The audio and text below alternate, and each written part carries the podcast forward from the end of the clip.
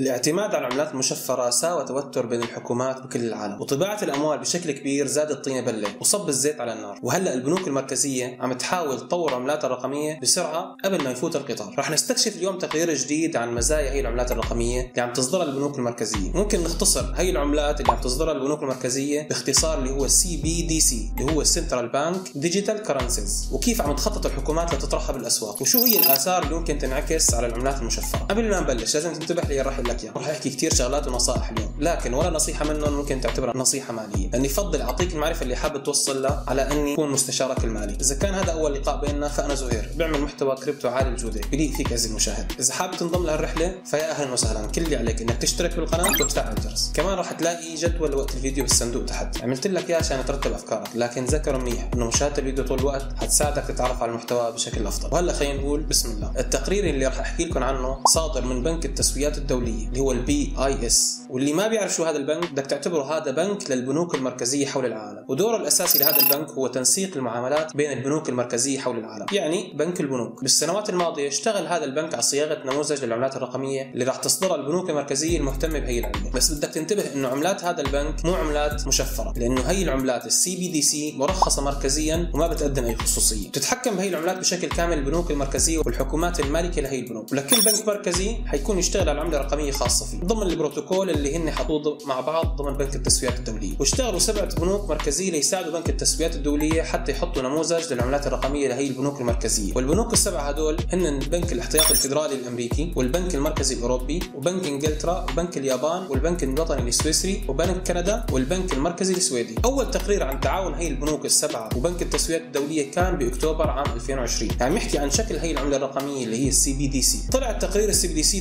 ب 30 سبتمبر 2021 وهذا هو التقرير اللي راح نغطيه اليوم. هذا التقرير بنلاقي فيه تفاصيل كثير عن شكل ال CBDC المقترح. وهو مقسم لثلاث أجزاء تصميم النظام وقابليه التشغيل البيني احتياجات المستخدمين وتداعيات العملة الرقمية على الاستقرار المالي. هلا راح أحكي عن ملخص التقرير. اللي كتبوا التقرير جابوا لنا ملخص قصير من شيء ست صفحات وراح ركز على كم نقطة مهمة ما حكوا عنها بالأقسام الثلاثة للتقرير. أول شيء لازم نحكي عنه هو إنه نموذج ال CBDC المطروح هو بيتكون من نوعين نوع جملة ونوع تجزئة. يعني إنه البنوك المركزية والحكومات ومؤسسات معينة راح تستخدم هي العملات الرقمية المركزية من نوع الجملة. أما الناس العاديين اللي مثلنا راح يستخدموا عملة رقمية ثانية من نوع المفرق أو التجزئة. كمان في نقطة مهمة مذكورة بآخر الصفحة الأولى من ملخص التقرير وراح أذكر لكم إياها مثل ما هي. في احتمال يكون ال CBDCs تأثيرات واسعة كثير على قضايا السياسة العامة بما يتجاوز الاختصاص التقليدي للبنك المركزي. والظاهر إنه هذا بيعني إنه هن راح يستخدموا ال CBDC ليفرضوا التفويضات بالسياسة العامة اللي ما مالية بالأصل. ونفهم من هذا الاقتباس كمان إنه حيحددوا احتياجات المستخدمين المختلفة وراح يعالجوها بتصميم النظام. كمان راح تعمل البنوك المركزية على شوية تدابير لتأثر أو تتحكم باعتماد أو استخدام هي العملات وراح تشمل معايير الوصول للمستخدمين اللي لهم مصلحة أو اهتمام بهي العملة. هذا الشيء بيعني إنه لكل مجموعة من الناس حيكون لهم قواعد خاصة. إذا عم تحس حالك إنه مرتاح من هذا الموضوع فاعرف إنك مو لحالك عزيزي المشاهد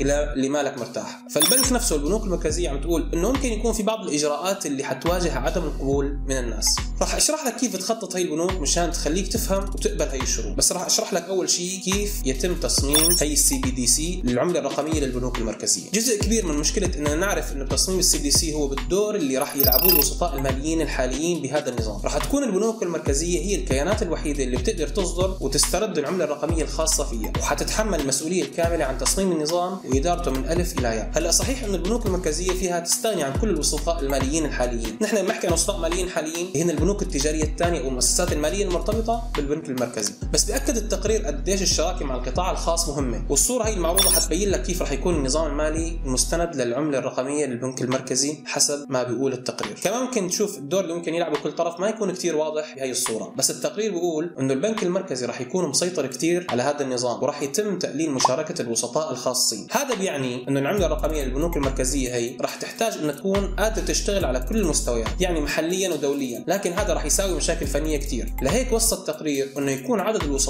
مناسب ويحطوا حد لعدد معين من المشاركين بهذا النظام. أنا راح أقتبس من التقرير إنه وجود عمليات موافقة للوسطاء الجدد يمكن أن يساعد في تخفيف المشكلات الفنية. يعني كل ما قل عدد المؤسسات اللي بدها تنضم لهذا النظام كل ما خفت المشاكل الفنية. لأنك أنت بدك تعمل شيء اسمه التكامل أو الانتجريشن ما بين هي كل الأنظمة. فنظام العملة الرقمية تبعه اللي بيحكوا عنه إنه بيحكي لك إنه في عمليات موافقة للوسطاء الجدد. يعني مو أي واحد بيقدر مباشرة يشبك على هذا النظام إلا بموافقة البنك المركزي. يعني البنك المركزي هو اللي بيقرر بالضبط مين الناس المسموح لهم يشاركوا بهذا العمل. ووقت بدنا نحكي عن الخصوصية فبين لنا التقرير إنه ما بنقدر نخفي الهوية تماما لأنه البنوك المركزية عندها خطة تصمم عملات رقمية حتى تقدر تكافح غسيل الأموال وتمويل الإرهاب. بس من جهة ثانية في شيء بيطمن عزيزي المشاهد. التقرير بيقول إنه البنك المركزي ما له أي مصلحة باستخدام بيانات المستخدم وراح يكون استخدامها للبيانات أحسن بكثير من الشركات التجارية. وراح تلتزم إنها تستعمل الحد الأدنى من هي البيانات. فنام مطمئن عزيزي المشاهد أنت في ايدي امينه وبيعرض التقرير كمان قاعدة السفر اللي حطتها ال FATF اللي هي ال Financial Action Task Force. هذا الشيء بيعني إنه راح يتم متابعة على أي معاملة بتزيد عن مبلغ معين. الجزء الثاني من التقرير حكى باختصار شو اللي بيتطلبه التشغيل البيني لل C BDC التشغيل البيني هو المقصود فيها التشغيل اللي بيكون متكامل مع أنظمة أخرى.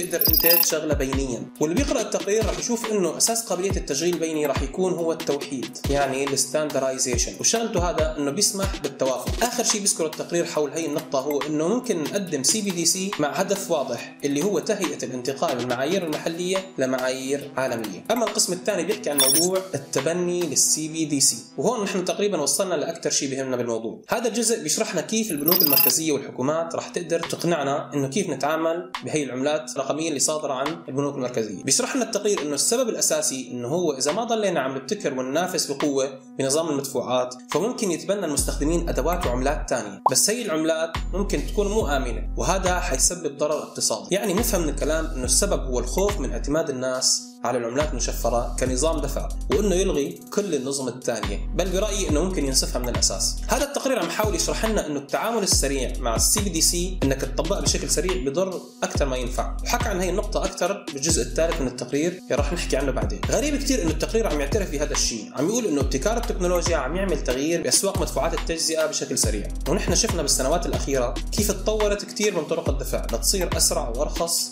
وأكثر امانا الشيء المنطقي اللي بدنا نوصل له هو ان نسمح لهذا التطور بطرق الدفع. بس الظاهر إنه بنك التسويات ورفقاته المصرفيين بيلاقوا إنه لازم يصير هذا الشيء لكن بالطريقة اللي بدهم إياها عزيزي المشاهد. بيحدد لنا التقرير الطرق الثلاثة اللي ممكن تخلينا نعتمد على ال CBDC بيقول لك اولا لازم نلبي حاجات المستخدم ثانيا تأثيرات الشبكة. وثالثا إنه ما نطلب من الكل إنه نشتري جهاز كمبيوتر أو تليفون جديد. بحسب ما بيقول بنك التسويات الدولية إنه أهم نقطة مميزة لهي العملة هي الأمان وانخفاض التكلفة والسيولة العالية قابلية للبرمجة. وأهم شيء هو الخصوصية. هو هيك كتب تقرير الخصوصية. رح نعرف بعد شوي كيف بتكون ال CBDC قد حكيها كيف بتوفي بوعودها بأنها تلبي شو بده المستخدم بالضبط. هلا بالنسبة لتأثير الشبكة عم يقترح التقرير إنه ال C BDC بيأكد على مفهوم الند للند حتى يسهل عملية التبني. هلا إنه ما بنكون مضطرين إنه نشتري أجهزة جديدة شيء بديهي مع إنه هي المشكلة واحدة من المشاكل المرتبطة بال performance والاداء لأنه التقنيات المنتشرة أكثر هي التقنيات المناسبة أكثر بكل تأكيد. التقرير كان عم يشرح لنا أكثر طرق حتى يقنعونا إنه نعتمد على العملات المشفرة. هي إنه يتم صرف المعونات الاجتماعية من خلال هي العملات. كمان اعتماد هي العملة بشكل أساسي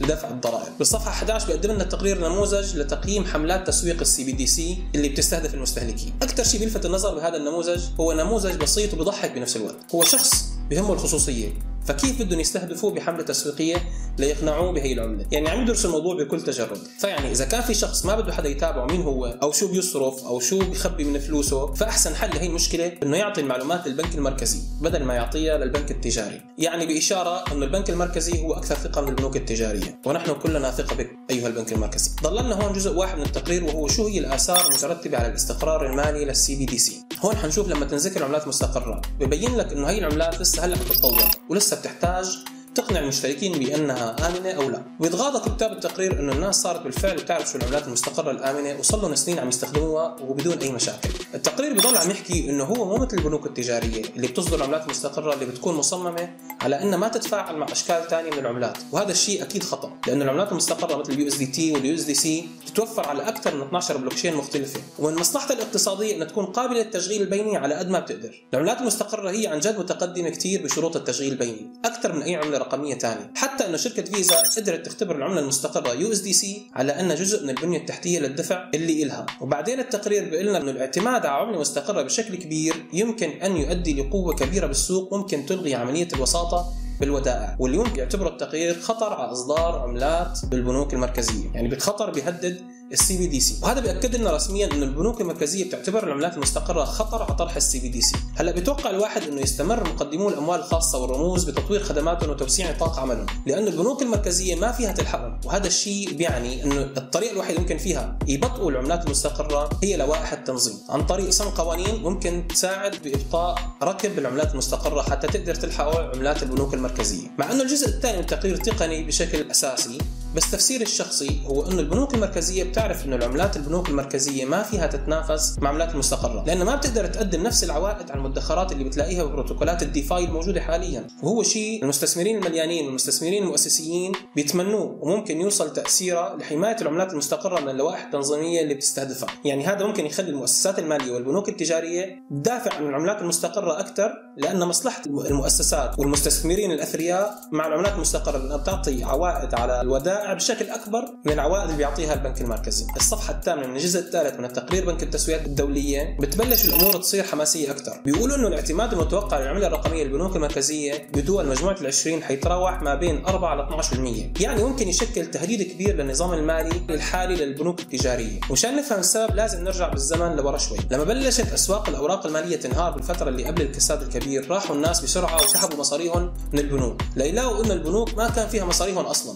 لأنه دينوها كلها لناس ثانيين وسببت هي الأزمة بانهيار القطاع المصرفي. وهذا الشيء سبب بالاخير شيء اسمه الكساد الكبير. بعد هيك سووا شيء اسمه ال FDIC اللي هو ال Federal Deposit Insurance Corporation ليتأكدوا من انه البنوك عندها دائما شيء بكفي بين ايديهم من السيولة مشان ما يتكرر اللي صار. ومع هيك التقرير عم يوضح إنه كثير من المستثمرين راح يلاقوا العملة الرقمية للبنك المركزي ملاذ آمن خلال وقت الأزمة. هذا الشيء بيعني إنه هن راح ينقلوا أموالهم من البنوك التجارية العادية للبنك المركزي. وهذا الشيء راح يؤدي لانهيار النظام المصرفي الحالي تبع البنوك التجارية مثل ما صار قبل 100 سنة. وبيعترف التقرير إنه صعب كثير تحافظ البنوك التجارية على نفس مستوى الربح. يعني بنلاحظ هون في تنافس حيكون بين البنك المركزي والبنوك التجارية. لأنه بنظام العملة الرقمية للبنوك المركزية تقريبا صار دور الوسطاء شبه هامشي. بس قالوا إنه نحن بدنا نخليهم لأنه مشان نضلنا محافظين على مصالح أكبر عدد من المؤسسات. بيقدم لنا التقرير سلسلة من التوصيات على إنه شلون البنوك الخاصة بتخفف الضربات اللي يمكن تتلقاها أو ممكن حتى تؤدي إلى انهيارها في حال صدور نظام العملة الرقمية للبنك المركزي المقترح. وهذا الشيء بيضحك عزيزي المشاهد. أكثر شيء لفت انتباهي بالتقرير إنه عم يقول إنه إدخال ال CBDC من طرف البنك المركزي حيساوي انخفاض ودائع البنوك التجارية. وهذا بيعني إنه في ائتمانات رح تكون تكلفتها أعلى. يعني ممكن تقدم لنا ال CBDC قروض بتكلفة أكثر يعني ممكن يصير مستحيل للواحد إنه يشتري بيت أو عقار عن طريق البنك التجاري العادي. ممكن نقول إنه المخاطر اللي ممكن تلحق البنوك التجارية هي نفسها حتصير على العملات المستقره لأنه القيمة السوقية للعملات المستقره اللي وصلت تقريبا 120 مليار ما إجت من أي مكان. إجت من الميزانيات العمومية للبنوك التجارية. بعد ما حكينا عن المخاطر في مشاكل ثانية مثل إنه تصير ال CBDC بدل عن السندات الحكومية كأصل وملاذ آمن بين المستثمرين. وضح التقرير كيف البنوك المركزيه ممكن تستخدم كل قوتها لتمنع هي السيناريوهات من إنها تصير حقيقة. وبيقول إنه الضمانات القائمة على الكمية ممكن تقيد استخدام ال CBDC عن طريق فرض قيود صارمة على عمليات نقل أو الاحتفاظ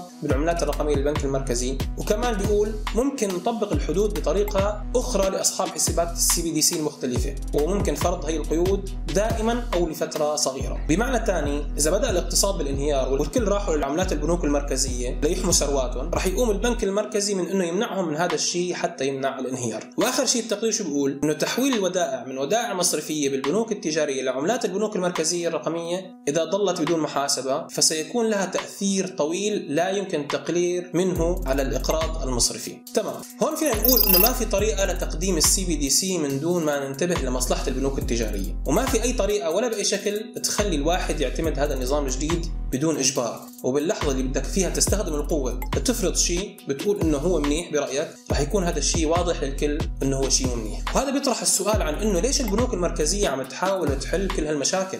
لتساوي شيء ممكن يكون عبارة عن طريقه دفع فقط. بعتقد إنه الإجابة إنه هذا مو هو هدفها الحقيقي. وبظن إنه ممكن نشوف الدليل بسهولة بتصميم ال CBDC وفينا نقول إنه ال CBDC هي أداة تحكم كاملة. وكل ميزة موجودة هي بس إغراء للناس بهذا المخطط الشمولي. مثل ما اعترف التقرير نفسه على إنه في كثير من التقنيات المالية اللي بتعمل كل شيء بتعمله ال CBDC وأكثر منها كمان هي موجودة بالفعل. بالفعل إجت كل هي التقنيات من العملات المشفرة. وبلاقي كثير غريب إنه التقرير ما ذكر أي شيء عن العملات المشفرة عدا كلمة العملات المستقره كمان ما ذكر كلمة بلوكشين أو حتى بيتكوين رح نقول ان اللي كتبوا هذا التقرير ما بدهم يجذبوا الانتباه للعملات المشفره لأنه حتصير قصة حزينة بالفعل. إذا واحد من الحكومات اللي قرأت التقرير على أساس تطبق هذا النظام بالبلد عندها ولقت فكرة اعتماد البيتكوين أفضل من كل هالتقرير الطويل العريض هذا. مثل ما سوت السلفادور لما اعتمدت البيتكوين كعملة أساسية بالبلد تبعها بدل ما تعتمد هذا النظام البائس اللي موجود داخل التقرير. وعلى الأرجح البلدان الثانية حتعمل مثل ما عملت السلفادور وخصوصا إنه كثير سهل الدخول بهذا النظام المالي